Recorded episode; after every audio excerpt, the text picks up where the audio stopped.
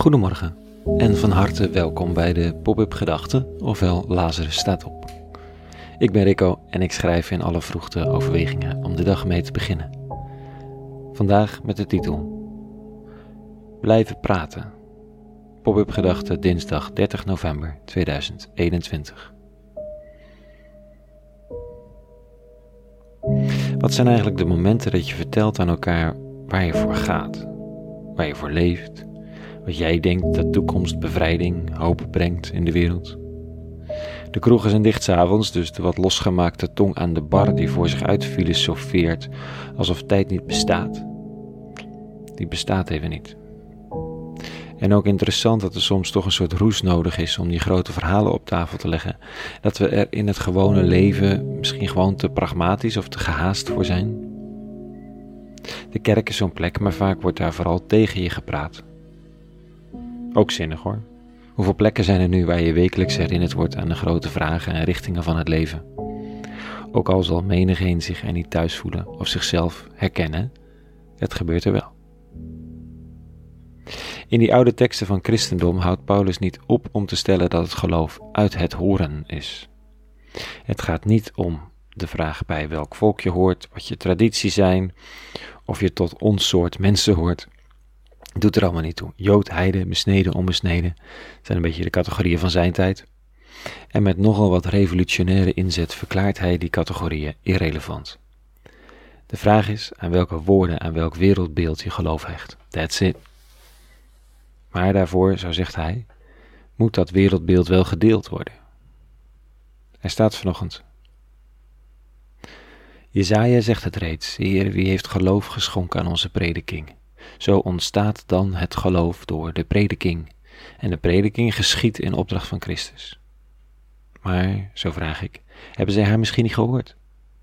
Toch wel, hun geluid heeft zich over de hele aarde verspreid en hun woorden weer klonken tot aan de uiteinden der wereld.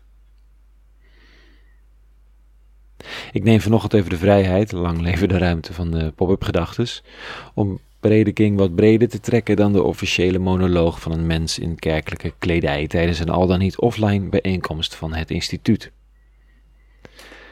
Achter die geïnstitutionaliseerde vorm ligt de gedachte dat taal nodig is, woorden, spraak, vertellen. En wat dan? Nou, een wereldbeeld vertellen, een hoop, een overgave, een paradigma. En waarom is dat zo revolutionair? Omdat het niks meer te maken heeft met wie je vader en moeder zijn, wat je achtergrond of opleidingsniveau is, welk bloed er door je aderen stroomt en van wie je ene bent. Het gaat om jou. En in jouw gesprek met de ander, om de ander, als individu tegenover de Godheid.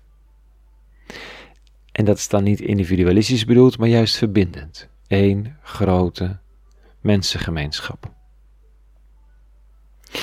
En dan is het dus zaak om te blijven praten met elkaar. Om te delen waar het leven je hoop geeft en waar je geloof aan hecht. En dan niet te blijven staan bij etiketten, maar af te dalen in betekenis. Ja, Jezus is alles voor mij, zei een vrouw tijdens een training. En ze bleef een aantal van dat soort zinnen herhalen. Ik voelde de vervreemding groeien in de groep, omdat het een label was en geen inhoud op dat moment. Het had een shibboleth-functie. Degene die ook bij de Jezus is alles beweging hoorde, zouden het herkennen en het mooi en bijzonder gelovig vinden. En degene die er niet bij hoorde, volgens zichzelf, zouden slechts kunnen observeren. Ik vroeg haar wat dat Jezus voor haar betekende. Ze zei: Het betekent kwetsbaarheid voor mij en door de pijn heen durven gaan. De groep hoorde de emotie in haar stem en iedereen was er voor mijn gevoel opeens weer bij. Dit snapte ze. Hier konden ze aan relateren, meevoelen. Hier werd gepreekt, los van de labels. Is dat, dat Jezus dan altijd een label? Zeker niet. Elk woord kan een label worden, een signaalwoord dat aangeeft bij welke groep je hoort. En als het niet wordt uitgelegd of invoelbaar gemaakt, dan werkt het slechts om een grens af te bakenen. Onbewust soms, maar zo gaat het. Wat ik meeneem vandaag, de vraag waar en hoe we nog met elkaar praten over wat ons drijft, hoop geeft, richting geeft, onderlinge prediking, zo gezegd. En eens zien hoe we daar ruimte voor kunnen houden. Tot zover vanochtend. Een hele goede dinsdag gewenst. En vrede. En alle goeds.